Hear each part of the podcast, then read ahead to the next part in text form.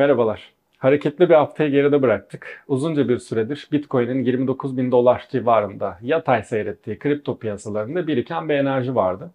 Özellikle vadeli işlemler tarafında açık pozisyonların yani hem long hem short pozisyonların ciddi seviyelere ulaşması teknik analistler tarafında bu enerjinin net olarak görülmesini sağlıyordu. Geriye kalan tek eksik fitilin ateşlenmesi için bir hikayeydi. Görünen o ki hikayede oluştu.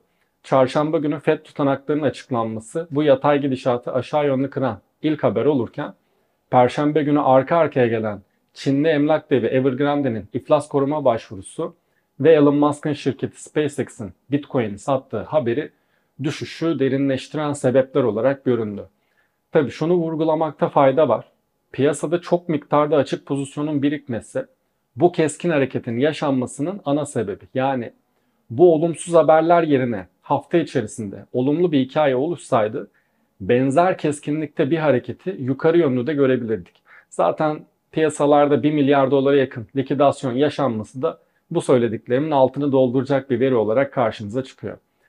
Burada Ethereum'un Bitcoin'e göre biraz daha iyi performans göstermesine değinebiliriz. Bunun arkasında SEC'nin Ethereum ETF'lerini yani vadeli işlem sözleşmelerini onaylamaya yakın olduğuna dair bir haberin düşmesi etkili oldu piyasaya.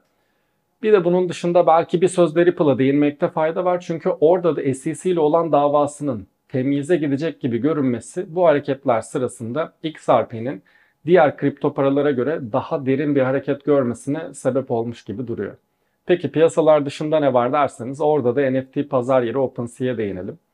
NFT'lerdeki en güzel kullanım alanlarından birisi ikinci satışlardan üreticiye giden telif ücreti. OpenSea de üreticileri desteklediği için bu özelliğin arkasında duran bir pazar yerine sahipti. Ama görünen o ki telif ücretleri isteğe bağlı bir hale gelecek. Yani telif ödemek istemeyen ödemek zorunda kalmayacak. NFT alanındaki ünlü oyunculardan biri olan Yoga Labs kurumu NFT'lerini OpenSea üzerinden kaldıracağını bildirerek bu duruma karşı olduğunu açıkladı ki bu kurum o ünlü Bored Ape Club'ı üreten kurum. Hani şu ünlülerin satın aldığı maymun karakterler var ya o NFT'ler. Şimdi bu pahalı koleksiyon piyasadaki en büyük NFT işlem hacmini yaratan koleksiyonlardan birisi. Bu sebeple de getiride önemli payı var. OpenSea'nın bu ultimatom karşısında nasıl tavır alacağını da önümüzdeki günlerde göreceğiz. Haribo.